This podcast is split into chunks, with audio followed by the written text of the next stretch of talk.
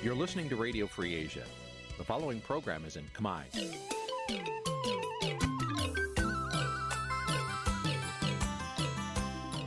នេះជាកម្មវិធីផ្សាយ Vuthu Azizi Serai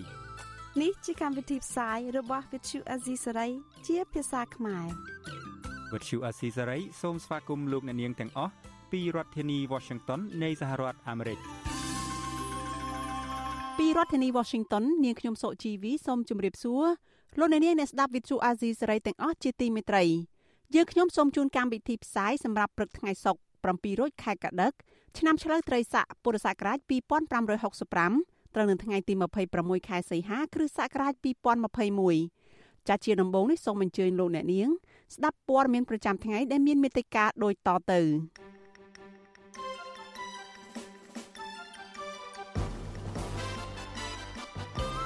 គ្រួសារលោកស៊ិនខុនមិនជឿថាជនសង្ស័យដែលសមត្ថកិច្ចបង្ហាញនោះជាឃាតករពិត។អង្គការលីកាដូរកឃើញថាអ្នកប្រើបណ្ដាញសង្គមកំពុងរងការបៀតបៀននិងរំលោភសិទ្ធិដោយគ្មានការជួយអន្តរាគមន៍ពីអាជ្ញាធរនិងក្រុមហ៊ុនអាជ្ញាធរខេត្តបាត់ដំបងនិងបៃលិនបង្កើនការរឹតបន្តឹងខ្លាំងដល់សង្គមស៊ីវិលក្នុងពេលបំពេញការងារតាមមូលដ្ឋានបទវិភាគ ហេតុអ្វីលោកហ៊ុនសែនមិនអាចបន្ធូរដៃឲ្យលោកសំរងស៊ីរួមនឹងព័ត៌មានសំខាន់សំខាន់ផ្សេងផ្សេងមួយចំនួនទៀត។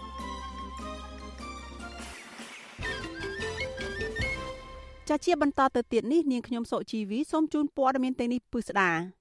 ចាលោកអ្នកនាងជាទីមេត្រីគ្រួសារសកម្មជនបកសង្គ្រោះជាតិលោកស៊ិនខុន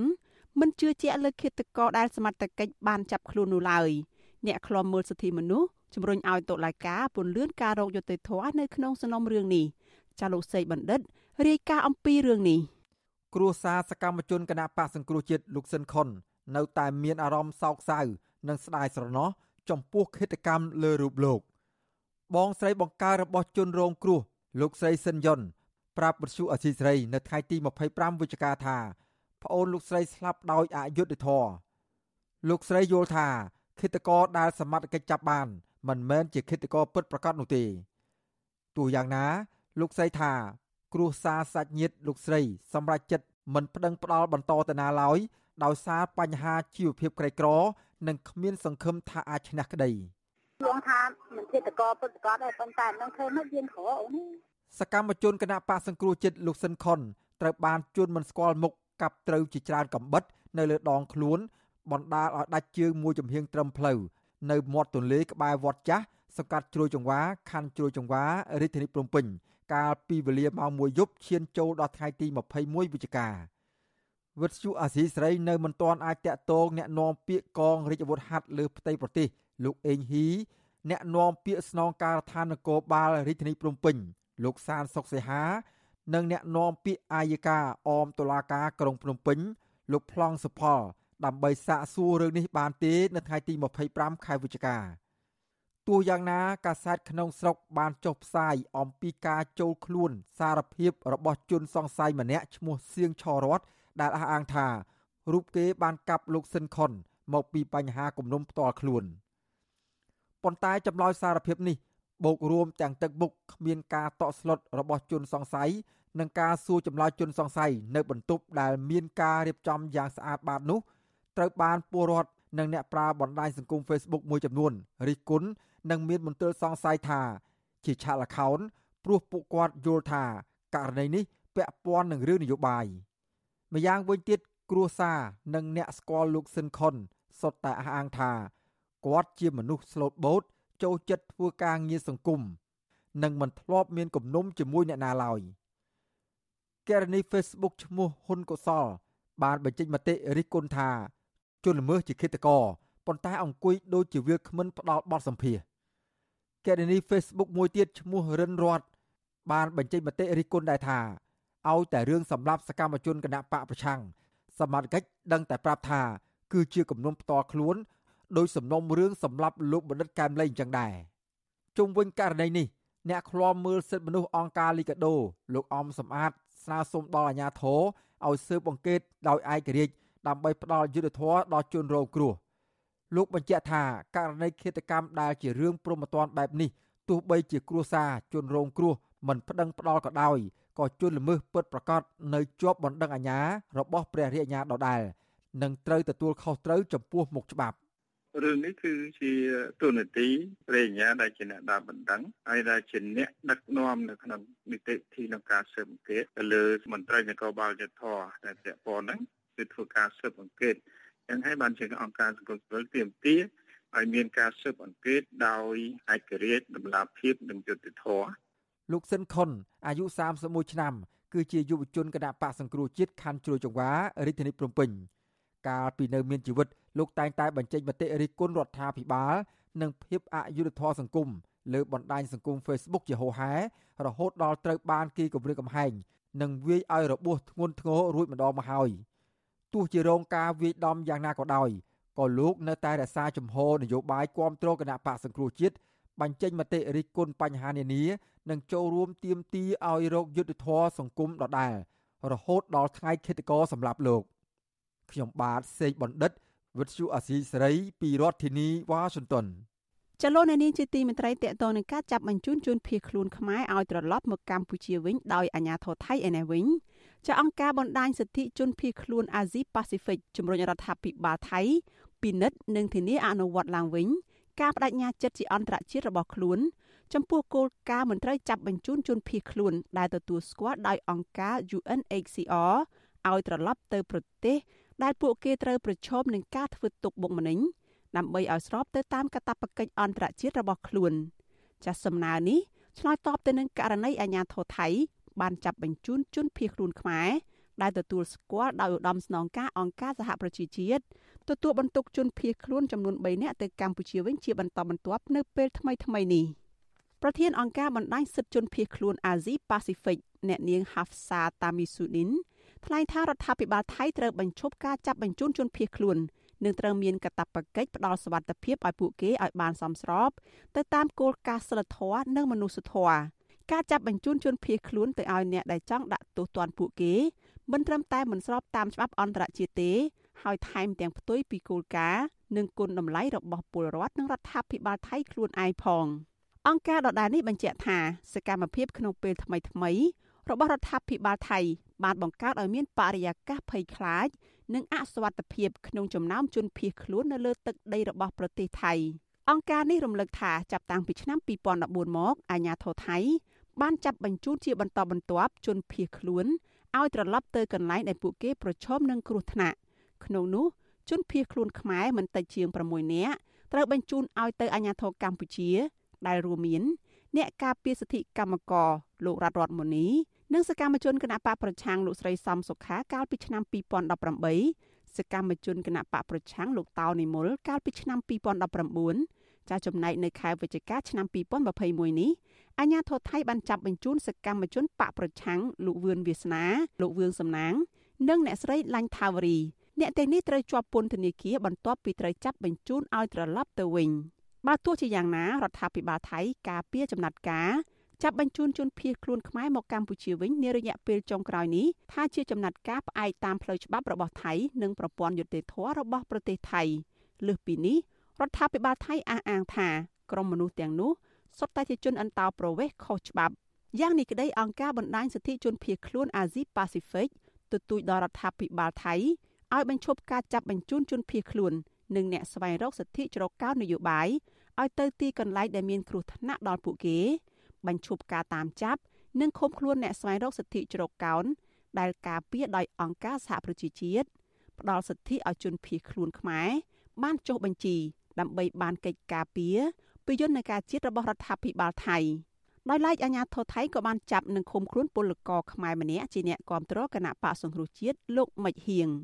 តកតនៅរឿងនេះនាយករងទទួលបន្ទុកកិច្ចការតំបន់អាស៊ីនៃអង្គការឃ្លាំមើលសិទ្ធិមនុស្សអន្តរជាតិ Human Rights Watch លោក Phil Robertson ថ្លែងប្រាប់វិទ្យុអាស៊ីសេរីថាករណីនេះបញ្ជាក់ឲ្យឃើញច្បាស់ពីការតាមធ្វើទុកបុកម្នេញសកម្មជនដែលប្រឆាំងនឹងរដ្ឋាភិបាលកម្ពុជា លោកថាសកម្មជនដោយលោកមិចហៀងគឺជាគោលដៅនៃការតាមចាប់ខ្លួនក្រោមកិច្ចព្រមព្រៀងផ្លាស់ប្តូរផលប្រយោជន៍គ្នារវាងរដ្ឋាភិបាលកម្ពុជានិងថៃលោកបន្តថារដ្ឋាភិបាលថៃមិនត្រូវខាត់ខ្លួនឬបញ្ជូនសកម្មជនរូបនេះទៅឲ្យអាជ្ញាធរកម្ពុជាឡើយផ្ទុយទៅវិញ គឺត្រូវអនុញ្ញាតឲ្យភ្នាក់ងាររបស់អង្គការ UNHCR បានជួបជាមួយលោកមិចហៀងដើម្បីធានាថាលោកមិនត្រូវបញ្ជូនទៅឲ្យទទួលទោសនៅកម្ពុជាអាញាធរថៃដែលសហការជាមួយអាញាធរខ្មែរបានចាប់ខ្លួនពលករលោកមិចហៀងកាលពីថ្ងៃទី20ខែវិច្ឆិកាតាមសំណើរបស់រដ្ឋាភិបាលលោកហ៊ុនសែននឹងបានបញ្ជូនទៅមន្ទីរឃុំឃាំងរបស់ប៉ូលីសអន្តោប្រវេសន៍នៅសួនភ្លូនៅទីក្រុងបាងកក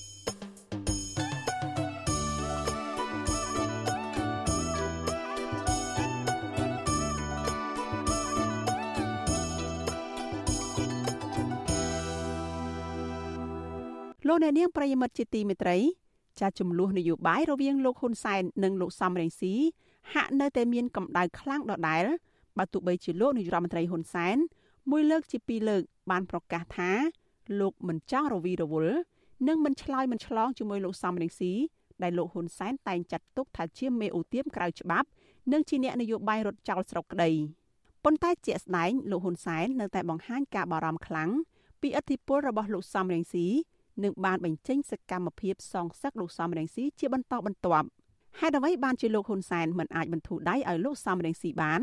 ចាលោកអ្នកនាងនឹងបានស្ដាប់បទវិភាគអំពីរឿងនេះនៅក្នុងការផ្សាយរបស់យើងនៅពេលបន្តិចទៀតនេះ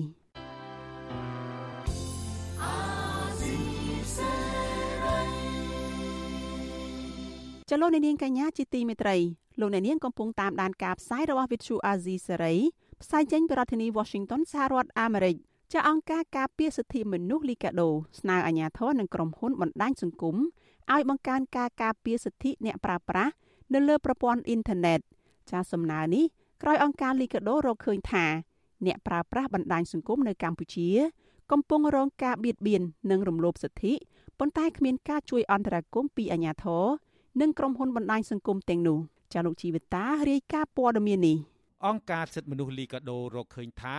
ក្រុមហ៊ុន Facebook ដែលបច្ចុប្បន្នបានបដូរឈ្មោះជាក្រុមហ៊ុនមេតាអាញាធរកម្ពុជានិងក្រុមហ៊ុនបណ្ដាញទំនាក់ទំនងសង្គមផ្សេងទៀតមិនអាចការពារអ្នកប្រើប្រាស់បានគ្រប់គ្រាន់ហើយថែមទាំងរួមចំណែកធ្វើឲ្យមានការរំលោភបំពានសិទ្ធិមនុស្សលើប្រព័ន្ធអ៊ីនធឺណិតទៀតផង អង្គការដដែលបន្តទៀតថា Facebook បានក្លាយជាកន្លែងដែលអាចអនុញ្ញាតឲ្យអាជ្ញាធររដ្ឋធ្វើការត្រួតពិនិត្យចាប់ពិរុទ្ធនិងរំលោភបំពានលើអ្នកប្រើប្រាស់បាន និងអនុញ្ញាតឲ្យបុគ្គលឯកជនធ្វើការរំលោភបំពានផ្លូវភេទបង្កការរើសអើងគំរាមកំហែងនិងការរំលោភបំពានផ្សេងផ្សេងមកលើអ្នកប្រើប្រាស់ផ្សេងទៀតបានជាញឹកញាប់ការរកឃើញនេះបានមកពីការស្ទង់មតិមួយដែលមានពលរដ្ឋប្រមាណជាង700នាក់ចូលរួមលទ្ធផលបង្ហាញថា ជាង1ភាគ3នៃអ្នកចូលរួមស្ទង់មតិធ្លាប់ទទួលរងការបៀតបៀនតាមប្រព័ន្ធអនឡាញជាពិសេសអ្នកស្រឡាញ់ភេទដូចគ្នាយុវជន និងសកម្មជនសិទ្ធិមនុស្សដែលជាមនុស្សដែលទទួលរងការរំលោភបំពានខ្លាំងជាងគេលើសពី20%នៃស្ត្រីដែលបានចូលរួមស្ទង់មតិបាននិយាយថា អ្នកទាំងនោះធ្លាប់ទទួលរងការបៀតបៀនតាមប្រព័ន្ធអនឡាញក្រោយមានការរកឃើញបែបនេះអង្គការលីកាដូបានតាក់ទងទៅកាន់ក្រុមហ៊ុន Facebook ដោយបានផ្ញើនៅការរកឃើញសំខាន់សំខាន់នៃរបាយការណ៍នេះកាលពីខែតុលានិងខែវិច្ឆិកាឆ្នាំ2021 ហើយបានស្នើសុំការបំភ្លឺបន្ថែមទៅលើការរកឃើញនិងបញ្ហាទាំងនោះទោះជាយ៉ាងណា អង្គការលីកាដូឲ្យដឹងថាក្រោយពីឆ្លើយតបដោយបញ្ជាក់ថាខ្លួនបានទទួលសាររបស់អង្គការលីកាដូហើយក្រុមហ៊ុន Facebook មិនបានឆ្លើយតបទៅនឹងសំណួរដែលលីកាដូបានសួរឬបញ្ហាដែលបានលើកឡើងនោះទេនាយិកាអង្គការលីកាដូអ្នកនាងណាលីពីលោកលើកឡើងក្នុងរបាយការណ៍នោះថា Facebook មិនមានទំនួលខុសត្រូវចំពោះពលរដ្ឋកម្ពុជានោះទេអ្នកនាងស្នើឲ្យក្រុមហ៊ុននេះប្រកាន់ជំហរជាសាធារណៈជំទាស់នឹងការត្រួតពិនិត្យការចាប់ពិរុទ្ធនិងការរំលោភបំពានពីសំណាក់អាជ្ញាធររដ្ឋហើយប្រកាន់ទំនួលខុសត្រូវទៅលើការរំលោភផ្សេងៗទៀតដែលបានសាយភាយពីពេញបណ្ដាញសង្គមរបស់ខ្លួនវិទ្យុអាស៊ីសេរីមិនទាន់អាចតាក់ទងក្រុមហ៊ុន Facebook ដើម្បីឆ្លើយតបទៅនឹងការរកឃើញរបស់អង្គការសិទ្ធិមនុស្សលីកាដូនេះនៅឡើយទេ របាយការណ៍របស់អង្គការលីកាដូដដែលបានលើកយកឧទាហរណ៍ជាក់ស្ដែងអំពីអ្នករងគ្រោះនៃការបៀតបៀនតាមប្រព័ន្ធអនឡាញក្នុងនោះរួមមានវីដេអូរបស់សុផលសុផលគឺជាឈ្មោះតំណាងដែលអ្នកនិពន្ធដាក់ឲ្យរបស់ក្មេងស្រីម្នាក់ដែលត្រូវបានគេលួចថតនៅពេលនាងកំពុងរួមភេទហើយវីដេអូនោះត្រូវបានគេចែកចាយជាសាធារណៈលើបណ្ដាញសង្គម Facebook ដោយមិនមានការយល់ព្រមពីរូបនាងរឿងរ៉ាវទី2របស់ភាព គឺជានារីម្នាក់អាយុជាង30ឆ្នាំដែលតែងតែត្រូវបានគេគំរាមកំហែងឥតឈប់ឈរពីក្រុមហ៊ុនផ្ដាល់ប្រាក់កម្ចីឯកជនមួយដែលបង្គាប់ឲ្យនាងផ្ដាល់នៅរូបភាពអាក្រាតកាយរបស់នាង ជាថ្នូរនឹងការទទួលបានប្រាក់កម្ចីជនរងគ្រោះម្នាក់ទៀតឈ្មោះច័ន្ទនីជានារីម្នាក់អាយុជាង20ឆ្នាំទទួលរងការរើសអើងតាមប្រព័ន្ធអ៊ីនធឺណិតក្រោយពេលនាងបានចែករំលែកវប្បធម៌ជនជាតិដើមភាគតិចរបស់នាង និងមានរឿងរ៉ាវជាច្រើនផ្សេងៗទៀត វិទ្យុអាស៊ីសេរីមិនអាចតាក់ទងរដ្ឋមន្ត្រីក្រសួងប្រៃសណីនិងទូរគមនាគមន៍លោកជាវ៉ាន់ដេតនិងអ្នកនាំពាក្យរដ្ឋាភិបាលលោកផៃស៊ីផានដើម្បីឆ្លើយតបនឹងរបាយការណ៍របស់អង្គការលីកាដូនេះបានទេនៅថ្ងៃទី25ខែវិច្ឆិកាប៉ុន្តែអ្នកនាំពាក្យគណៈបកប្រជាជនកម្ពុជាលោកសុកអេសានយល់ថាការប្រើប្រាស់បណ្ដាញសង្គម Facebook ទាំងនោះជាសិទ្ធិរបស់ពលរដ្ឋលោកថាជនណាដែលប្រើប្រាស់បណ្ដាញសង្គម Facebook ល្មើសច្បាប់ ឬបៀតបៀនរំលោភបំពានអ្នកដទៃ ជននោះនឹងទៅប្រឈមចំពោះមុខច្បាប់បើសិនណាជាមានប្រជាពលរដ្ឋមួយចំនួនតូចមិនព្រមអនុវត្តច្បាប់រំលោភច្បាប់អាហ្នឹងអត់ការពារទេគឺច្បាប់ជាអ្នកការពារអាហ្នឹងតឡាការណាទៅតឡាការណាតឡាការគេមើលតើការទំលោភច្បាប់ហ្នឹងវាមានវិរុទ្ធភាពយ៉ាងម៉េចយ៉ាងម៉េចអាហ្នឹងគេកាត់សេចក្តីតាមហ្នឹងទោះជាយ៉ាងណានាយករងទទួលបន្ទុកផ្នែកឃ្លាំមើលសិទ្ធិមនុស្សនៃអង្គការលីកាដូលោកអំសំអាតថ្លែងថា អាញាធរមានកាតព្វកិច្ចការពារពលរដ្ឋដែលប្រើប្រាស់បណ្ដាញទំនាក់ទំនងសង្គមហើយក្រុមហ៊ុនសម័យក៏ត្រូវមានកាតព្វកិច្ចនេះដូចគ្នាចឹងបើសិនជាអត់មានប្រព័ន្ធការពារណាមួយសម្រាប់អ្នកប្រើប្រាស់ទេហើយគាត់អាចនឹងឈប់ប្រើអានឹងវាធ្វើឲ្យប៉ះពាល់ទៅដល់ការចូលរួមចំណាយក្នុងការបញ្ចេញមតិដើម្បីស្ថាបនាសង្គមជាតិយើងការសន្ទនាផ្សេងផ្សេងជាលក្ខណៈឯកជនឬក៏ជាការប្រជុំនោះបាទ យោងតាមរបាយការណ៍របស់អង្គការលីកាដូ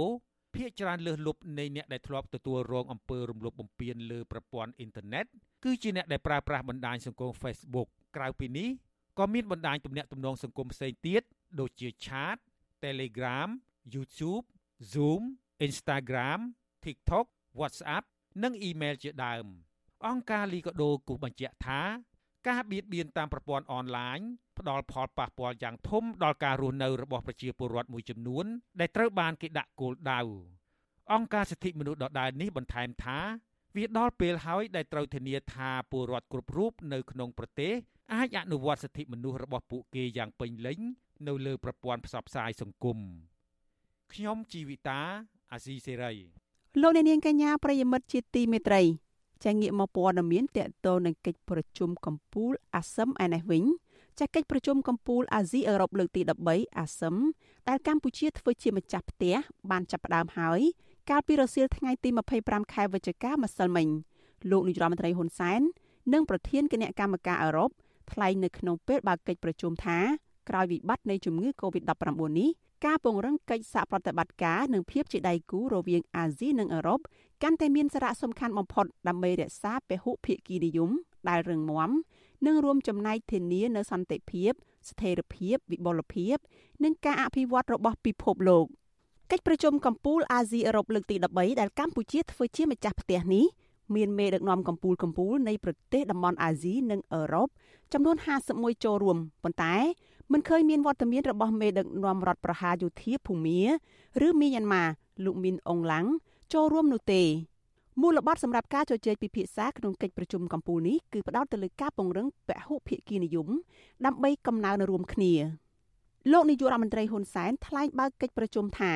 កិច្ចប្រជុំកម្ពុជាអាស៊ីអឺរ៉ុបនេះគឺជាឱកាសដ៏ទាន់ពេលមួយសម្រាប់ថ្នាក់ដឹកនាំប្រទេសអាស៊ីនិងអឺរ៉ុបបញ្ជាក់ជាថ្មីពីសារៈសំខាន់នៃភាពជាដៃគូនិងកិច្ចសហប្រតិបត្តិការក្នុងការចូលរួមដោះស្រាយបញ្ហាតំបន់និងសកល ដែលជាក្តីបារម្ភរួមគ្នាគោលបំណងសំខាន់នៃកិច្ចប្រជុំកំពូលរបស់យើងគឺ1ធ្វើឲ្យកាន់តែស៊ីជម្រៅនៃការតបភ្ជាប់អន្តរតំបន់ដើម្បីការអភិវឌ្ឍប្រកបដោយចីរភាពបរិយាបន្ននិងកំណើនរួមគ្នា ទី2លើកស្ទួយភាពជាដៃគូអន្តរតំបន់ដើម្បីអភិបាលកិច្ចសកលទី3លើកកម្ពស់ប្រសិទ្ធភាពនៃប្រព័ន្ធពហុភាគីផ្អែក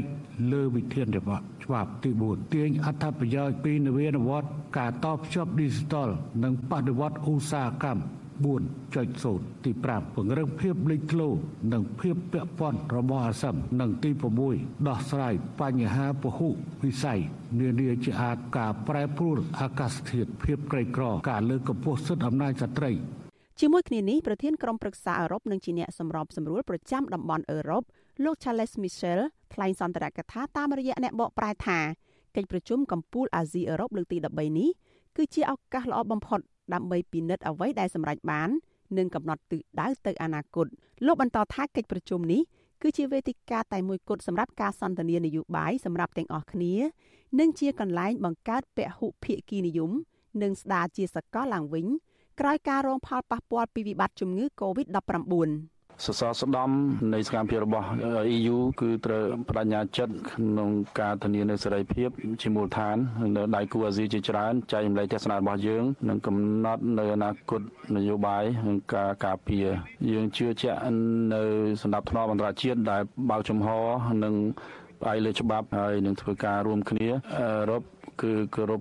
នៅដៃគូស្មោះត្រង់ហើយយើងត្រៀមខ្លួនជាស្រេចក្នុងការធ្វើស៊ីជម្រៅនៅតំណែងតំណងអ្នកទាំងអស់គ្នាដើម្បីផលប្រយោជន៍ប្រជាពលរដ្ឋរបស់យើងទាំងអស់គ្នាសូមអរគុណជាមួយគ្នានេះដែរប្រធានគណៈកម្មការអឺរ៉ុបអ្នកស្រី Ursula von der Leyen សង្ឃឹមថាកិច្ចប្រជុំនេះនឹងជួយកសាងឡើងវិញនៅពិភពលោកមួយដែលមានសមភាពកាន់តែធំជាងមុននិងពង្រីកពហុភាគីនិយម អ្នកស្រីបញ្ជាក់ហេតុថាអាស៊ីនិងអឺរ៉ុបមានចំណងទាក់ទងគ្នាយ៉ាងជិតស្និទ្ធនិងមានទម្ងន់យ៉ាងខ្លាំងនៅក្នុងពិភពលោកព្រោះថាទំហំពាណិជ្ជកម្មរវាងតំបន់ទាំងនេះគឺធំជាងតំបន់ផ្សេងៗនៅលើពិភពលោកហើយអឺរ៉ុបគឺជាអ្នកវិនិយោគដ៏ធំនៅក្នុងតំបន់អាស៊ី កិច្ចប្រជុំកម្ពុជានេះគឺជាឱកាសដើម្បីពង្រឹងកិច្ចសហប្រតិការលើកិច្ចផ្សេងផ្សេងផ្សេងសម្រាប់វិបុលភាពនិងសន្តិសុខនៅក្នុងតំបន់របស់យើងនិងតំបន់ផ្សេងទៀតដូច្នេះខ្ញុំសង្ឃឹមថានឹងរងចាំពិភាក្សាក្នុងរយៈពេល2ថ្ងៃនេះសហភាពអឺរ៉ុបនឹងគោរពទៅតាមប្រព័ន្ធដែលផ្អែកទៅលើវិធានច្បាប់ហើយអាស៊ាន ASEAN គឺជាតំបន់សំខាន់នៃការការពារនេះហើយយើងស្វែងរកអ្វីដែលការជាបែកគ្នារវាង geopolitics ហើយនៅក្នុងការចូលរួមរបស់យើងនៅក្នុង Indo-Pacific បន្ទាប់ពីថ្លែងសន្ទរកថាបើកិច្ចប្រជុំហើយក្រុមមេដឹកនាំទាំងនេះក៏បន្តប្រជុំបិទទ្វារដោយមិនមានការផ្សព្វផ្សាយផ្ទាល់ជាសាធារណៈនោះទេ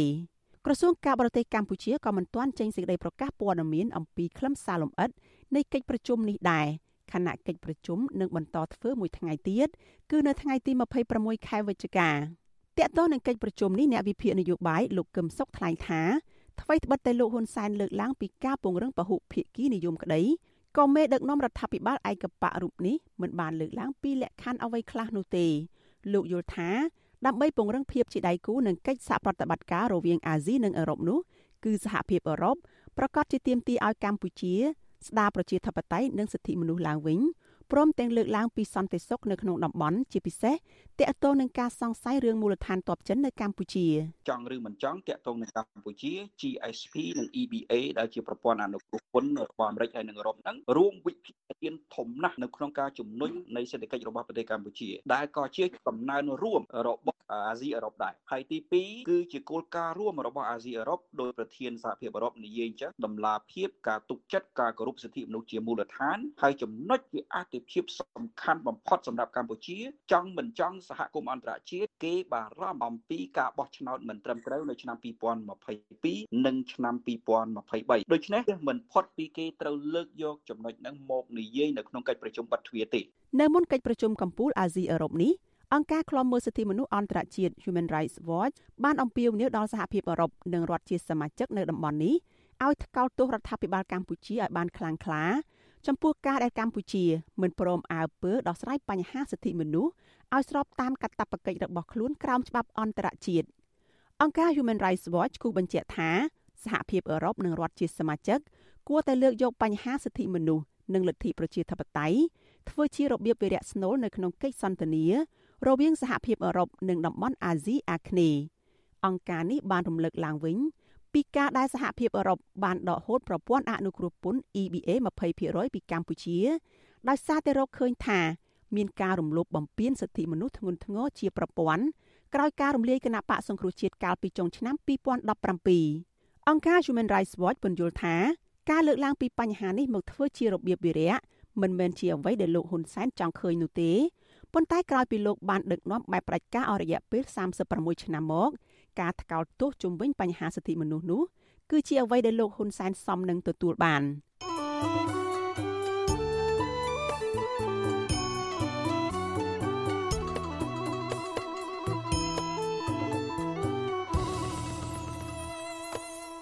លលោកអ្នកនាងប្រិយមិត្តជាទីមេត្រីចាចំនួននយោបាយរវាងលោកហ៊ុនសែននិងលោកសំរងស៊ីហាក់នៅតែមានកម្ដៅខ្លាំងដដែលបើទោះបីជាលោកនាយរដ្ឋមន្ត្រីហ៊ុនសែនមួយលើកជាពីរលើក បានប្រកាសថាលោកមិនចង់រវីរវល់និងមិនឆ្លើយមិនឆ្លងជាមួយលោកសំរងស៊ីដែលលោកហ៊ុនសែនតែងចាត់ទុកថាជាមេអូទៀមក្រៅច្បាប់ និងជាអ្នកនយោបាយរត់ចោលស្រុកក្តីប៉ុន្តែជាក់ស្ដែងលោកហ៊ុនសែននៅតែបង្ហាញការបារម្ភខ្លាំងពីឥទ្ធិពលរបស់លោកសំរងស៊ីនិងបានបញ្ចេញសកម្មភាពសងសឹកលោកសំរងស៊ីជាបន្តបន្ទាប់ហេតុអ្វីបានជាលោកហ៊ុនសែនមិនអាចបន្ធូរដៃឲ្យលោកសំរងស៊ីបាន ចាលោកអ្នកនាងនឹងបានស្ដាប់បទវិភាគអំពីរឿងនេះនៅក្នុងការផ្សាយរបស់យើងនៅពេលបន្តិចទៀតនេះ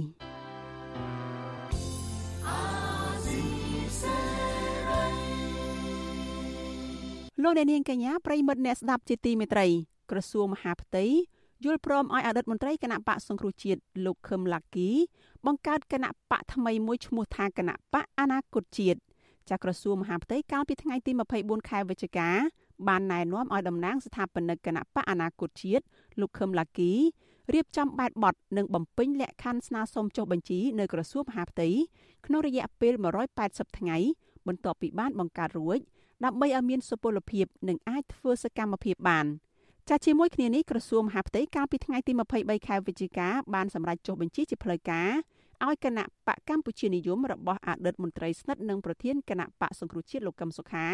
គឺលោកយ៉ែមពញ្ញរិទ្ធដែលនឹងបើកផ្លូវឲ្យគណៈបកនេះអាចចាប់ផ្ដើមសកម្មភាពនយោបាយបានក្រសួងមហាផ្ទៃបញ្ជាក់ទៀតថាសកម្មភាពនយោបាយទាំងឡាយត្រូវអនុវត្តតាមច្បាប់ស្តីពីគណៈបកនយោបាយនិងលក្ខន្តិកៈរបស់គណៈបកដែលតម្កល់នៅក្រសួងចាំមកដល់ពេលនេះអតីតមន្ត្រីគណៈបកសង្គ្រោះជាតិបានចេញទៅបង្កើតគណៈបកនយោបាយថ្មីជាបន្តបន្ទាប់ចំនួន7ហើយក្នុងនោះរួមមានគណៈបកផ្នែកអភិរក្សរបស់លោករៀលខេមរិន គណៈបកផ្នែកស្រឡាញ់ជាតិរបស់ក្រុមលោកជីវកតាគណៈបកកែតម្រង់កម្ពុជារបស់លោកអ៊ូច័ន្ទរតគណៈបកឆន្ទៈខ្មែររបស់លោកគង់មុនីកាគណៈបកកម្ពុជានិយមរបស់លោកយ៉ែមពញ្ញរិទ្ធនិងគណៈបកអនាគតជាតិរបស់លោកខឹមឡាគីចំណែកគណៈបកបេះដូងជាតិដែលជាគណៈបកថ្មីមួយទៀតរបស់អតីតមន្ត្រីគណៈបកសង្គ្រោះជាតិដែរគឺលោកសៀមភ្លុកវិញគណៈបកនេះត្រូវក្រសួងមហាផ្ទៃបដិសេធចុះបញ្ជីនិងប្តឹងទៅតុលាការក្រោមហេតុផលមានកំហុស ពាក់ព័ន្ធនឹងស្នាមមេដៃអ្នកគាំទ្រគណៈបកនេះ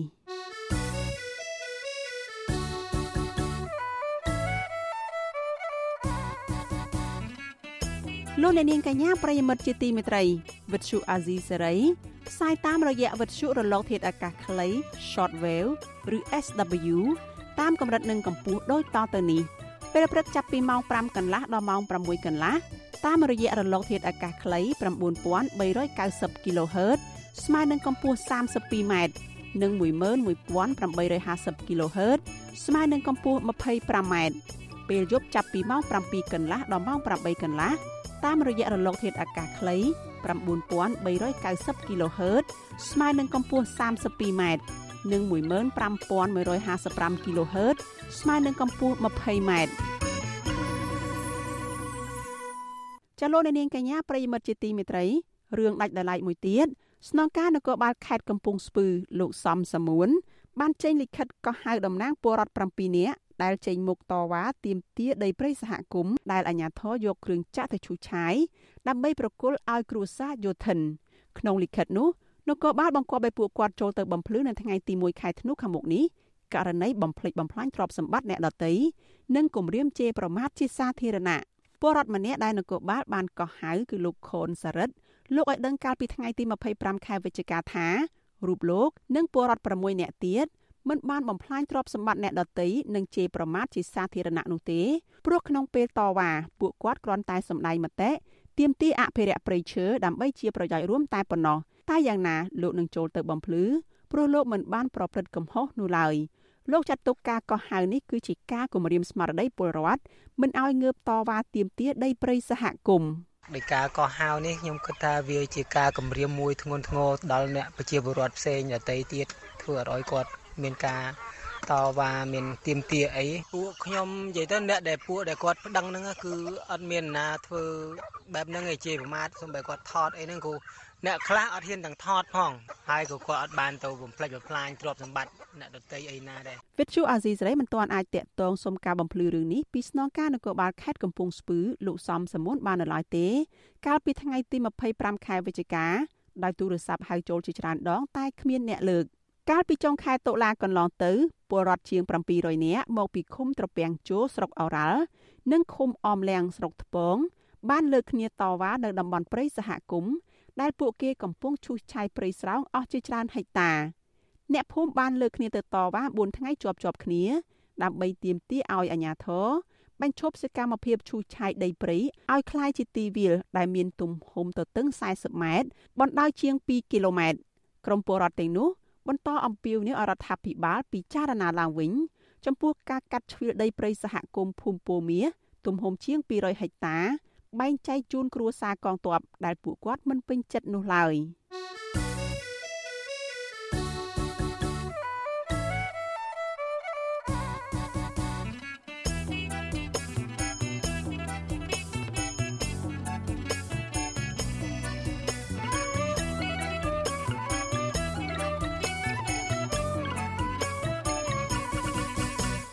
លោកអ្នកនាងកញ្ញាកំពុងស្ដាប់ការផ្សាយរបស់ Vithu Azizi Serai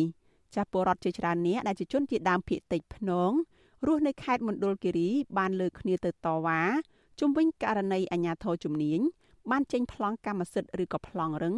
ក្នុងតំបន់ព្រៃស្រោងអស់ជិត100ហិកតា អ្នកភូមិទាមទារឲ្យអាញាធរដកហូតដីព្រៃស្រោងទាំងនោះមកជាសម្បត្តិរដ្ឋវិញចាលោកសនច័ន្ទរដ្ឋារាយការណ៍ព័ត៌មាននេះ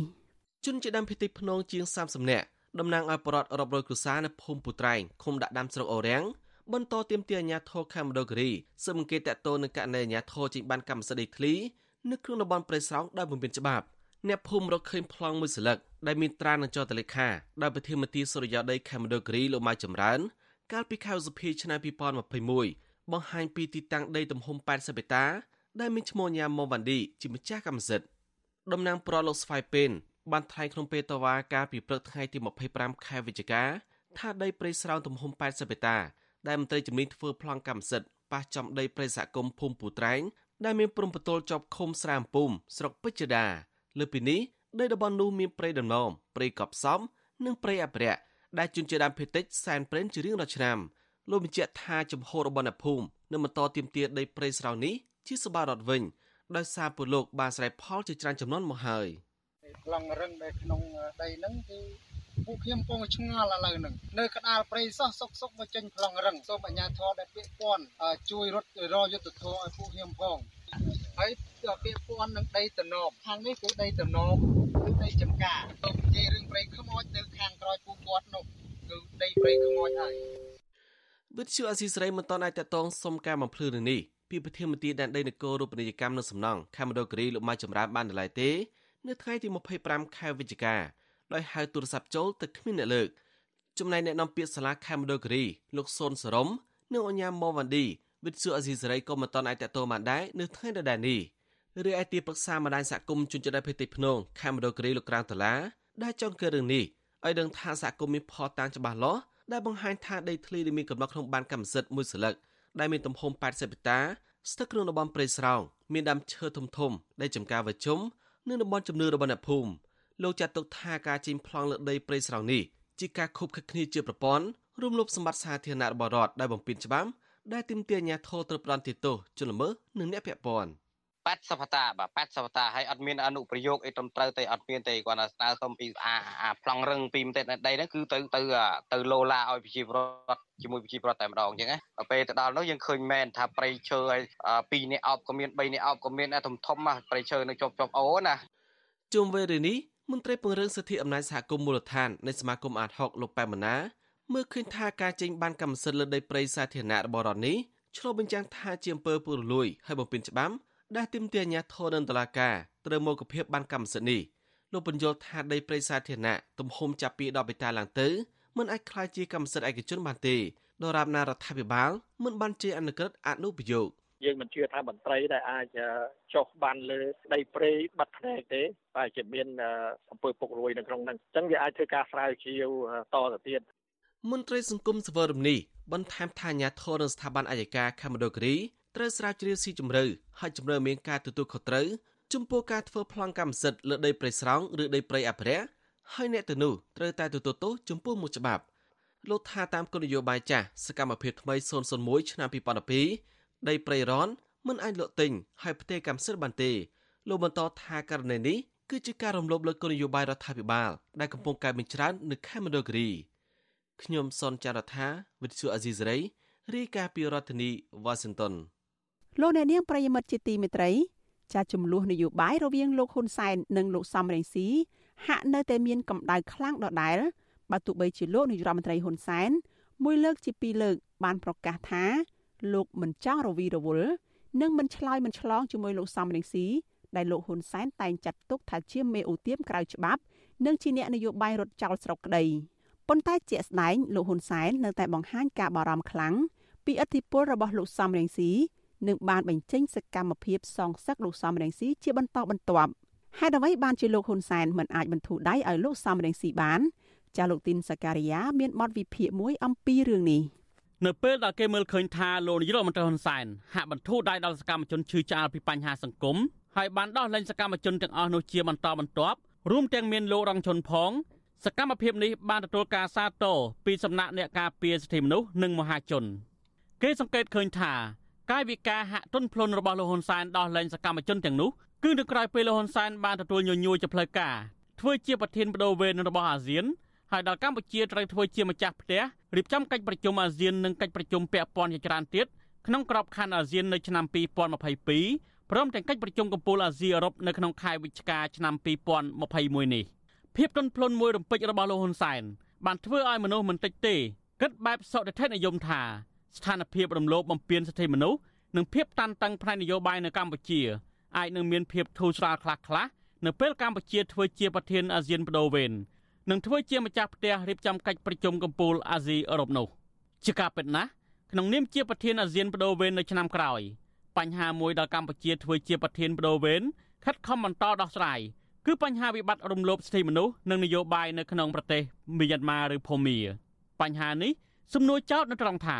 បើកម្ពុជាខ្លួនឯងនៅតែចាក់ស្រេះដោយបញ្ហារំលោភសិទ្ធិមនុស្ស នឹងមិនអាចដោះស្រាយភាពចម្រូងចម្រាសនយោបាយផ្ទៃក្នុងខ្លួនឯងមិនទាន់ទាំងបានផងតើកម្ពុជាអាចមានទាំងមុតប្រៃឯណាទៅប្រដៅណែនាំរកដំណោះស្រាយឲ្យប្រទេសមីយ៉ាន់ម៉ាឬភូមានោះដូច្នេះហើយបានជាគេមើលឃើញថាការសម្រេចចិត្តដោះលែងសកម្មជនសង្គមមួយរំពេចរហូតដល់ទៅជាង30នាក់ប្រហែលជាលោកហ៊ុនសែនគិតខ្លះខ្លះដែរពីមុខមាត់របស់កម្ពុជានឹងអាចជាការឆ្លោះកញ្ចក់ដោះក្អែល លាងសម្អាតខ្លួនឲ្យបាត់ក្លិនស្អុយបន្តិចក្នុងពេលកម្ពុជាកំពុងតែត្រៀមខ្លួនធ្វើជាអ្នកកាន់ញញួរដឹកនាំកិច្ចប្រជុំកំពូលអាស៊ាននោះទោះជាយ៉ាងណាក្តីរំពឹងថាអ្វីអ្វីអាចនឹងបានប្រសើរជាងមុនហាក់ធ្លាក់ចុះគ្រប់មកវិញនៅពេលរដ្ឋាភិបាលលហ៊ុនសែនបានបញ្ចេញសកម្មភាពជាហោហែក្នុងបំណងហាក់បន្តតាមកំតិចគណៈបកប្រឆាំងជាពិសេសគឺលោកសំរងស៊ីនិងអ្នកគាំទ្ររបស់លោកឲ្យដល់ទីបញ្ចប់នោះបន្ថែមពីនេះក្នុងមួយរយៈពេលដ៏ខ្លីលោកហ៊ុនសែនបានធ្វើសកម្មភាពជាច្រើន ដើម្បីសងសឹកលោកសំរងស៊ីលោកហ៊ុនសែនបានថ្លែងគម្រាមចាប់ដាក់គុកត្រពាំង plong អ្នកទាំងឡាយណាដែលហ៊ានប្រមូលផ្ដុំគ្នាធ្វើបាតកម្មប្រឆាំងនឹងការដឹកនាំរបស់លោកនៅពេលប្រជុំកំពូលអាស៊ានដែលកម្ពុជាធ្វើជាម្ចាស់ផ្ទះនោះបើទោះជាថ្លែងមិនចំឈ្មោះអ្នកណាជាមេខ្លោងប៉ុន្តែគេជឿថាសាររបស់លោកហ៊ុនសែនគឺសម្ដៅដល់ក្រុមបកប្រឆាំងនៃអតីតគណៈបកសង្គ្រោះជាតិដែលលោកចោទថាអាចប្រាយុទ្ធសាស្ត្រត្រីបកលើក្តារអុកអាស៊ានដើម្បីបបាក់មុខលោកនោះ លោកហ៊ុនសែនដែលគេដឹងថាជាអ្នកចូលចិត្តលេងអុកមួយរូបដែរនោះបានប្រកាសបដិញ្ញាថាបើទោះជាលោកត្រូវប្រើសេះឬទូកក្តីក៏លោកត្រូវតែតាមស៊ីត្រីបកនោះក្រវត្តចោលដែររឿងទី2ដែលលោកហ៊ុនសែនខឹងលោកសំរងស៊ីស្ទើរដាច់ក្បាលដាច់កន្ទុយនោះគឺការអត្ថាធិប្បាយបន្ថែមរបស់លោកសំរងស៊ីទៅលើការចាញ់ផ្សាយរបស់សារព័ត៌មាន The Guardian ដែលអះអាងថាលោកហ៊ុនសែនបានទិញសញ្ជាតិទី2នៅប្រទេសស៊ីបជាការឆ្លើយតបនឹងរឿងនេះ លោកហ៊ុនសែនមិនត្រឹមតែបានបញ្ជាឲ្យកូនចៅរបស់ខ្លួនតាក់ទងសារព័ត៌មាន The Guardian ពន្យល់នោះទេលោកថែមទាំងប្រកាសធ្វើវិសោធនកម្មរដ្ឋធម្មនុញ្ញកំណត់សញ្ជាតិសម្រាប់អ្នកកាន់តំណែងកម្ពុជាកម្ពុជាទាំង4នៅកម្ពុជាឲ្យមានសញ្ជាតិខ្មែរតែមួយគត់ក្នុងនោះមាននាយករដ្ឋមន្ត្រីប្រធានសភាប្រសិទ្ធិនិងប្រធានក្រុមប្រឹក្សាធម្មនុញ្ញជាដើមទោះជាលោកហ៊ុនសែនម្ដងនិយាយថាវិសោធនកម្មរដ្ឋធម្មនុញ្ញនេះដើម្បីបិទផ្លូវអ្នកមានសញ្ជាតិពីរធ្វើជានាយករដ្ឋមន្ត្រី នឹងម្ដងនិយាយថាដើម្បីការពារសន្តិសុខជាតិពីការលុកលាន់របស់បរទេសក្តីប៉ុន្តែអ្នកណាក៏ដឹងដែរថាលោកហ៊ុនសែនច្រឡោតឈានដល់ការធ្វើវិសោធនកម្មរដ្ឋធម្មនុញ្ញដោយសារតែលោកចង់ឌឺដង និងវាយបកដោយកំហឹងទល់នឹងកំហល់សងសឹកលោកសំរងស៊ីជាបន្តមកទៀតលោកហ៊ុនសែនបានបញ្ជាឲ្យសមាជិកកម្ពុជាសហការជាមួយសមាជិកថៃចាប់បញ្ជូនខ្លួនអ្នកសរសេរកំណាព្យរិះគន់ការដឹកនាំរបស់លោកនិងសកម្មជនគណបកសង្គ្រោះជាតិពីប្រទេសថៃមកដាក់ពន្ធនាគារនៅព្រៃសរអ្នកទាំងពីរនេះ នៅមុនពេលចាប់ខ្លួនលន់សានបានបញ្ញាថានឹងតាមចាប់ខ្លួនឲ្យបានបើទោះជាក្នុងតម្លៃណាក៏ដោយចំណែកអតីតមេឃុំគណៈបកសង្គ្រោះជាតិអ្នកស្រីឡាញ់ថាវរីក៏ត្រូវបានតឡាការឃុំខ្លួននៅពន្ធនាគារព្រៃសរក្រោយពីបញ្ជូនមកពីប្រទេសថៃតាមការស្នើសុំរបស់រដ្ឋាភិបាលលោកហ៊ុនសែនដែរការសងសឹកលើលោកសំរងស៊ីនិងបកពួកមិនទាន់ចប់ត្រឹមនេះទេកាលពីថ្ងៃទី17វិច្ឆិកាតុលាការក្រុងភ្នំពេញមិនបានអនុញ្ញាតឲ្យសកម្មជនគណៈបកសង្គ្រោះជាតិចំនួន14នាក់ ឲ្យនៅក្រៅខុំបណ្ដោះអាសន្ននោះឡើយទោះបីជាពួកគេបានជាប់ពន្ធនាគារជិត2ឆ្នាំដោយមិនទាន់មានការជំនុំជម្រះក្តីក៏ដោយពួកគេត្រូវបានចាប់ប្រកាន់ពីបទរួមគំនិតក្បត់ញុះញង់ឲ្យមានភាពវឹកវរធ្ងន់ធ្ងរដល់សន្តិសុខសង្គមនិងញុះញង់មិនឲ្យយោធិនស្ដាប់បង្គាប់បន្ថែមពីលើនេះតឡាការនៃរដ្ឋាភិបាលលហ៊ុនសែនកាលពីថ្ងៃទី16វិច្ឆិកា បានចេញលិខិតកោះហៅលោកសំរងស៊ីមន្ត្រីនិងសកម្មជនបកប្រឆាំងចំនួន42រូបចូលរួមក្នុងសវនាការនៅថ្ងៃទី7ធ្នូក្នុងសំណុំរឿងរួមគណិតក្បត់និងញុះញង់ពាក់ព័ន្ធនឹងដំណើរមេត្តាភូមិនិវត្តរបស់លោកសំរងស៊ីកាលពីចុងឆ្នាំ2019មែនតើទៅសំណុំរឿងនេះមានជនជាប់ចោតរហូតដល់ជាង130នាក់ក្នុងចំណោមពួកគេអ្នកខ្លះកំពុងរស់នៅបរទេសដោយសារតែរដ្ឋាភិបាលលហ៊ុនសែនមិនអនុញ្ញាតឲ្យចូលកម្ពុជាវិញ បើទោះបីជាពួកគេស្នើសុំចូលតតាំងរឿងក្តីនៅតុលាការជាច្រើនដងក៏ដោយអស់ចាជាងនេះទៅទៀតនោះគណៈបកបៃដងជាតិដែលត្រូវបានគណៈបកប្រជាជនកម្ពុជាចាប់ប្រកាន់ថាត្រូវបានបង្កើតឡើងដោយមានការជួយជ្រោមជ្រែងនិងប្រើប្រាស់ថវិកាលោកនីលការដៃរបស់លោកសំរងស៊ីគណៈបកនេះក៏ត្រូវបានរដ្ឋាភិបាលលហ៊ុនសែនមិនអនុញ្ញាតឲ្យបង្កើតដែរ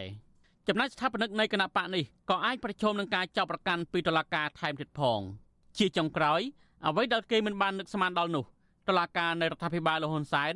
បានចេញដោយការសម្រេចដាក់លក់ដីនិងទ្រព្យសម្បត្តិនៃទីស្នាក់ការគណៈបកសង្គ្រោះជាតិដែលជាទ្រព្យសម្បត្តិរបស់លោកសំរងស៊ីនិងភរិយាដើម្បីសងសំណងរដ្ឋភវេនីដល់លោកហ៊ុនសែននិងលោកហេងសំរិនលោកសខេនិងមេធាវីតំណាងរដ្ឋាភិបាលកម្ពុជាក្នុងសំណុំរឿងបរិហាកេនិងញុះញង់ការប្រកាសលក់ទ្រព្យសម្បត្តិរបស់លោកសំរងស៊ីដើម្បីសងលោកហ៊ុនសែនត្រូវបានគេមើលឃើញថា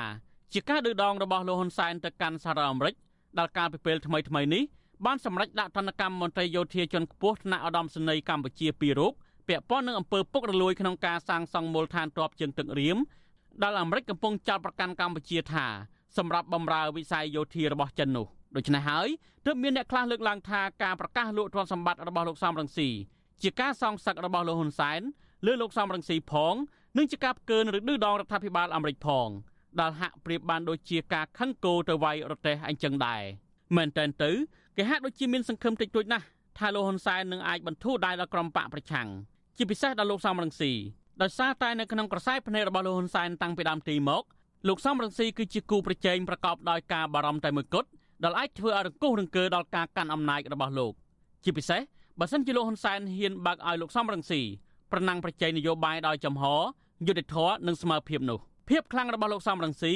ត្រូវបានគេមើលឃើញចាប់តាំងពីពេលលោកស្ថិតនៅជាមួយគណៈបកហ្វុនសិនពេជ្រ កាលពីមិនទាន់បែកបាក់មកម្លេះលោកគឺជាអតីតរដ្ឋមន្ត្រីក្រសួងសេដ្ឋកិច្ចដែលទទួលបានការកោតសរសើរចំពោះការដឹកនាំក្រសួងនេះនិងចំណាត់ការលើជនពុករលួយលោកគឺជាមេដឹកនាំបកប្រឆាំងដំបូងគេដែលបាក់បកបានត្រឹមតែ3ឆ្នាំតែអាចទទួលបានអាសនៈក្នុងរដ្ឋសភារហូតដល់ទៅ15អាសនៈក្នុងការបោះឆ្នោតឆ្នាំ1998ចំនួនអាសនៈសភាគណៈបករបស់លោកបានកើនឡើងជារៀងរាល់អាណត្តិនៅទីបំផុតក្រោយការបង្រួបបង្រួមបង្កើតគណៈបកសង្គ្រោះជាតិ គណៈបកប្រឆាំងមួយនេះស្ទើរតែធ្វើឲ្យគណៈបកប្រជាជនកម្ពុជារបស់លោកហ៊ុនសែនបាត់បង់អំណាចកាលពីឆ្នាំ2013បកប្រឆាំងបន្តរក្សាភាពខ្លាំងរបស់ខ្លួនរហូតដល់ការបោះឆ្នោតជ្រើសរើសក្រុមប្រឹក្សាឃុំសង្កាត់នៅឆ្នាំ2017ដោយសារតែភាពខ្លាំងនេះហើយទើបនៅទីបំផុតទៅធ្វើឲ្យលោកហ៊ុនសែនរត់តែបារម្ភកាន់តែខ្លាំងឡើងខ្លាំងឡើងគឺបារម្ភរហូតដល់រំលាយគណៈបកនេះចោលតែម្ដងនៅថ្ងៃទី16វិច្ឆិកាឆ្នាំ2017រហូតមកដល់ពេលនេះ ទោះបីជាគណៈបកសង្គ្រោះជាតិត្រូវបានលោកហ៊ុនសែនរំលាយជាង4ឆ្នាំមកហើយក្តីតែលោកហ៊ុនសែននៅតែបន្តបារម្ភអំពីការវិលត្រឡប់មកវិញនៃគណៈបកប្រឆាំងនិងបារម្ភពីវោហារសាស្ត្រនយោបាយរបស់លោកសំរងស៊ីដោយហេតុថាមេបកប្រឆាំងរូបនេះនៅតែបន្តមានប្រជាប្រិយភាពនិងការគ្រប់គ្រងច្រើនពីសកម្មជននយោបាយនិងមហាជនទូទៅគេសង្កេតឃើញថារដ្ឋាភិបាលលហ៊ុនសែនតែងតែតាមដាននៅវោហារសាស្ត្រនយោបាយរបស់លោកសំរងស៊ីថ្លែងនៅក្រៅប្រទេសរហូតជំរុញឲ្យលោកហ៊ុនសែន មិនត្រឹមតែមិនឆ្លងឆ្លើយជាមួយលោកសំរងស៊ីដោយដែលលោកហ៊ុនសែនតែងតែប្រកាសនោះទេតែលោកហ៊ុនសែនថែមទាំងបានរៀបចំយុទ្ធសាស្ត្រដើម្បីទប់ទល់នឹងអធិបុលរបស់លោកសំរងស៊ីថែមទៀតផងនោះណាក៏ដឹងដែរថាលោកហ៊ុនសែនបានប្រើគ្រប់វិធីសាស្ត្ររារាំងមិនឲ្យលោកសំរងស៊ីអាចវិលចូលច្រកវិញបានលោកសំរងស៊ីប្រកាសពីផែនការវិលចូលច្រកនៅថ្ងៃទី9វិច្ឆិកាឆ្នាំ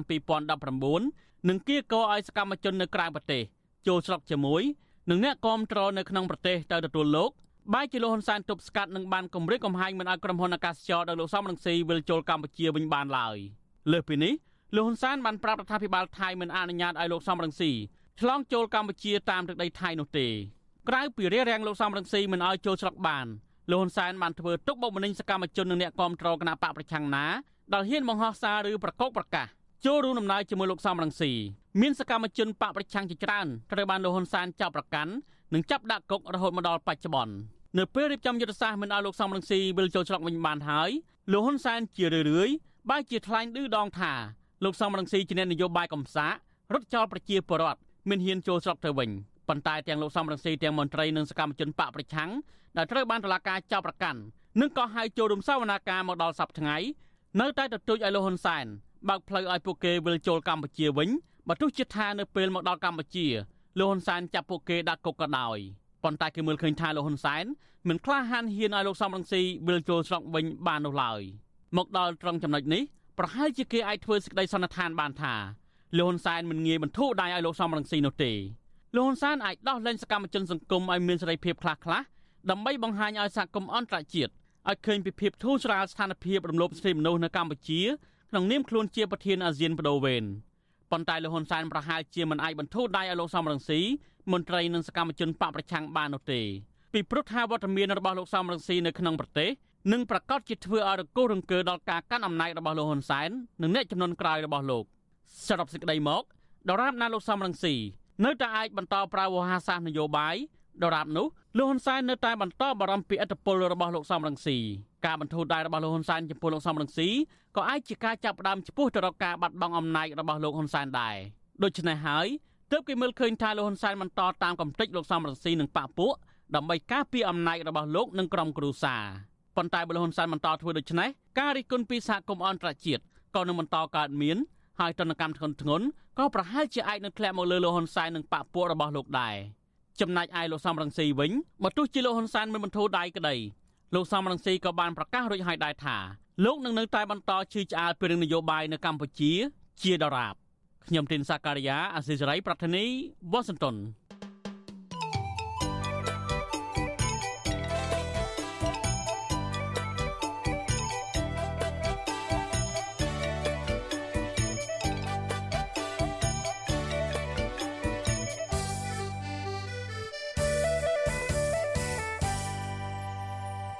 លោកអ្នកនាងកញ្ញាប្រិយមិត្តជាទីមេត្រី ចាប់ពិធីបុណ្យជាតិដ៏សំខាន់មួយនៅក្នុងចំណោមពិធីបុណ្យជាច្រើននៅសហរដ្ឋអាមេរិកគឺពិធីបុណ្យ Thanksgiving ដែលប្រែជាភាសាខ្មែរថាបុណ្យអរគុណឬបុណ្យផលគុណពិធីនេះតែងប្រារព្ធធ្វើឡើងជារៀងរាល់ថ្ងៃប្រហ័សនៅចុងខែវិច្ឆិកាដែលបរដ្ឋទូទៅពលគឺសិស្សានុសិស្សមន្ត្រីរាជការនិងស្ថាប័នឯកជននានា បានឈប់សម្រាកនិងជួបជុំគ្នាទទួលទានអាហារក្នុងក្រុមគ្រួសារនិងញាតិមិត្ត តើពិធីបុណ្យអរគុណឬ Thanksgiving នេះមានអត្ថន័យខ្លឹមសារបែបណា ហើយតើការប្រារព្ធពិធីបុណ្យនេះនៅសហរដ្ឋអាមេរិកមានឥទ្ធិពលយ៉ាងណាខ្លះដល់គ្រឹះបរិស័ទនៅក្នុងប្រទេសកម្ពុជា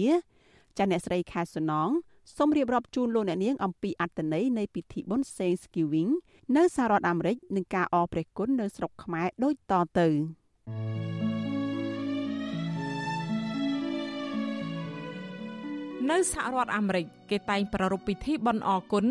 បុណ្យផលគុណឬ Thanksgiving ជារៀងរាល់ថ្ងៃប្រហ័សក្នុងសប្តាហ៍ទី4នៃខែវិច្ឆិកា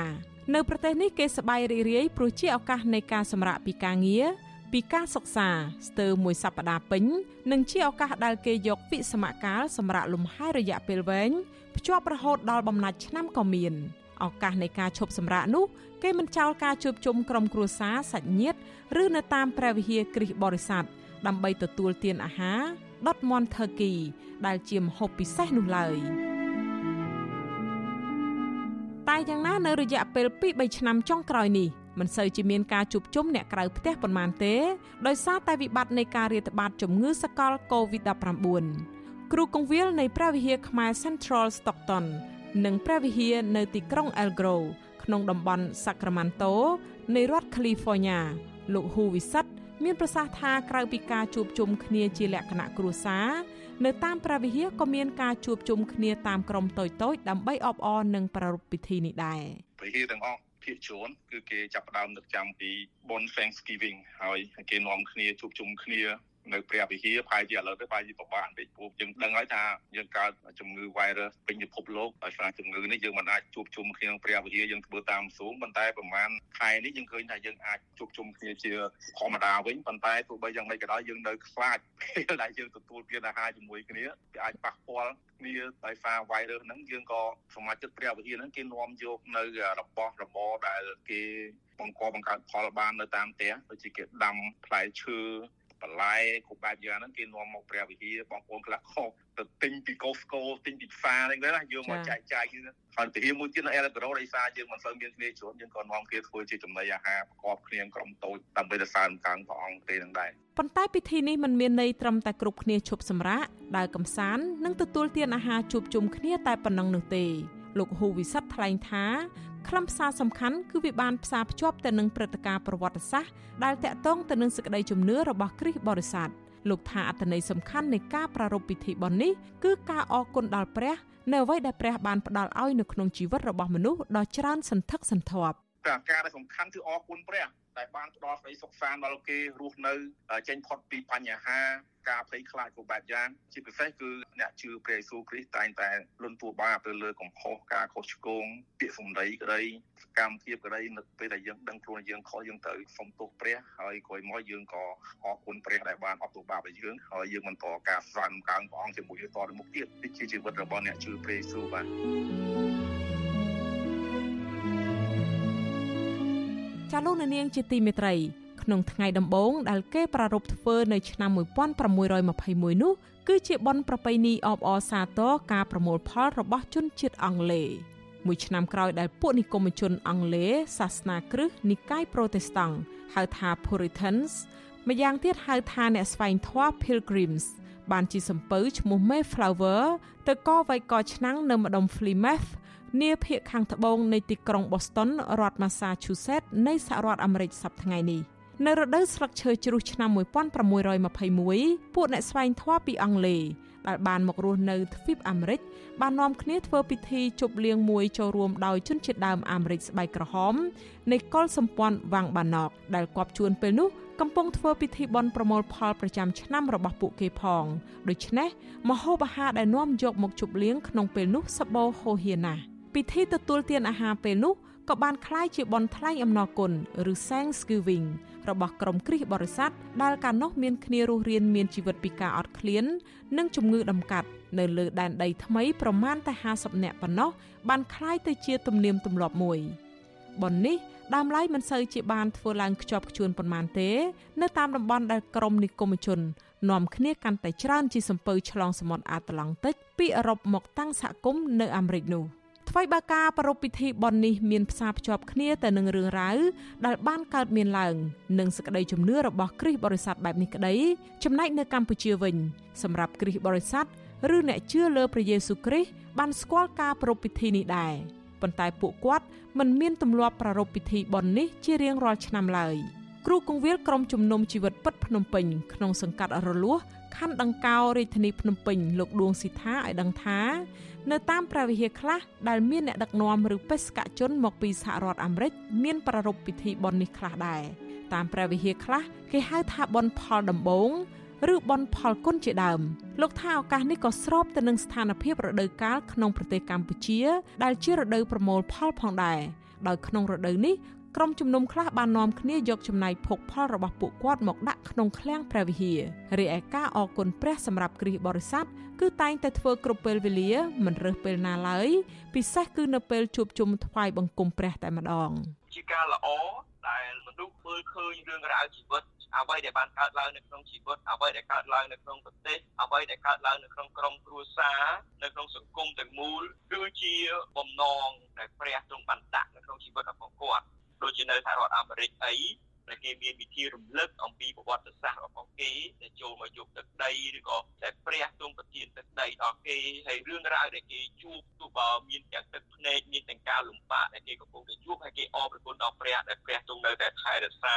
នៅតែចិញ្ចឹមដល់គេសម្រាប់យើងដែលជាជនជាតិខ្មែរហើយរស់នៅ ប្រទេសខ្មែរក៏យើងមានឱកាសដើម្បីទៅអរគុណដល់ព្រះដែលយើងអាចនៅតែមានឱកាសមានជំនឿនៅតែមានឱកាសសរសើរដំកើងហើយនៅតែមានឱកាសអរគុណដល់ព្រះយើងមើលគឺថាព្រះអង្គទ្រង់ល្អហើយសេចក្តីសប្បុរសរបស់ផងព្រះអង្គនៅក្នុងជីវិតរបស់ផងយើងនៅក្នុងប្រទេសរបស់ផងយើងហើយក៏ដូចជានៅក្នុងពិភពលោកទាំងមូលគ្រប់ពេលវេលាផងដែរត្រឡប់ទៅប្រវត្តិសាស្ត្រនៃពិធីបុណ្យនេះវិញ សម័យលោក George Washington ជាប្រធានាធិបតីដំបូងរបស់អាមេរិកក៏មានការប្រារព្ធធ្វើពិធីបុណ្យ Thanksgiving នេះដែរតែបុណ្យ Thanksgiving ពេលនោះម្ដងមានម្ដងបាត់រហូតដល់ឆ្នាំ1863ខណៈដែលជនជាតិអាមេរិកាំងកំពុងតែច្បាំងគ្នាឯងក្នុងសង្គ្រាមស៊ីវិលឆ្លោះគ្នារវាងរដ្ឋខាងត្បូងនិងរដ្ឋខាងជើងពីរឿងបំបត្តិទេសភាពទើបលោកប្រធានាធិបតីអាប្រាហាមលីនខុនបានប្រកាសឲ្យ Thanksgiving คล้ายជាបុណ្យជាតិ ដើម្បីសម្ដែងការអគុណព្រះជាម្ចាស់ចំពោះភ័ព្វសំណាងល្អដ៏ច្រើនសន្ធឹកសន្ធាប់ដែលជនជាតិអាមេរិកបានទទួលដូចជាធនធានធម្មជាតិច្រើន និងកំណើនប្រជាពលរដ្ឋបើទោះជាប្រទេសកំពុងមានសង្គ្រាមកាលពីឆ្នាំ1939ខណៈដែលសហរដ្ឋអាមេរិកកំពុងស្ថិតក្នុងស្ថានភាពដុនដាបសេដ្ឋកិច្ចពេញទំហឹង លោកប្រធានាធិបតី Franklin Delano Roosevelt ក៏បានបដូរថ្ងៃបុណ្យដែលលោក Lincoln បានកំណត់ធ្វើនៅថ្ងៃប្រហ័សសប្តាហ៍ចុងក្រោយរបស់ខែវិច្ឆិកាមកធ្វើនៅថ្ងៃប្រហ័សសប្តាហ៍បន្ទាប់ពីចុងក្រោយនៃខែវិច្ឆិកាទៅវិញក្នុងបំណងចង់ឲ្យហាងលក់ទំនិញសម្រាប់បុណ្យណូអែលមានពេលវេលាកាន់តែច្រើនដើម្បីឃោសនាលក់ទំនិញរបស់ខ្លួនព្រោះថាជាទម្លាប់គេអាចលក់សម្រាប់ឱកាសបុណ្យណូអែលបាន គឺទាល់តែធ្វើបុណ្យ Thanksgiving នេះចាប់សពគ្រប់លុះដល់ឆ្នាំ1942លោកប្រធានាធិបតី Roosevelt យល់ព្រមតាមសភាដោយចុះហត្ថលេខាអនុម័តយកថ្ងៃប្រហ័សសប្តាហ៍ទី4នៃខែវិច្ឆិកា ជាថ្ងៃប្រារព្ធពិធីបុណ្យ Thanksgiving ដោយដើមវិញហើយកាលបរិច្ឆេទនេះក៏ស្ថិតនៅជាធរមានរហូតដល់សប្តាហ៍ថ្ងៃ ចាលោកនាងជាទីមេត្រីនៅក្នុងឱកាសបុណ្យនេះនាងខ្ញុំសូមជូនពរដល់លោកនាងឲ្យជួបតែសេចក្តីសុខសាន្តនិងសុវត្ថិភាព ពីជំងឺរាតត្បាតដ៏កាចសាហាវនេះចារីករាយថ្ងៃបុណ្យអរព្រគុណនាងខ្ញុំខែសុណងវັດឈូអាស៊ីសេរីរាយការណ៍ពីរដ្ឋធានី Washington thank you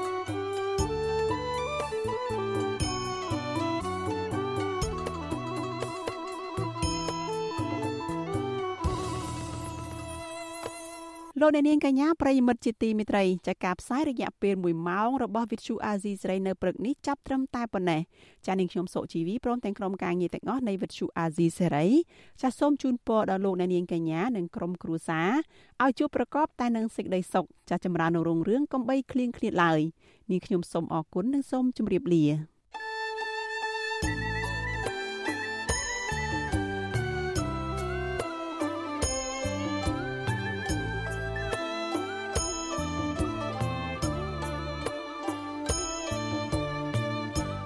ទ្យុអាស៊ីសេរីផ្សាយតាមរលក ធាតុអាកាសខ្លីឬ short wave តាមកម្រិតនិងកម្ពស់ដូចតទៅនេះពេលព្រឹកចាប់ពីម៉ោង5កន្លះដល់ម៉ោង6កន្លះតាមរយៈរលកធាតុអាកាសខ្លី9390 kHz ស្មើនឹងកម្ពស់ 32m និង11850 kHz ស្មើនឹងកម្ពស់ 25m ពេលយប់ចាប់ពីម៉ោង7កន្លះដល់ម៉ោង8កន្លះតាមរយៈរលកធាតុអាកាសខ្លី 9390 kHz ស្មើនឹងកម្ពស់ 32m និង15155 kHz ស្មើនឹងកម្ពស់ 20m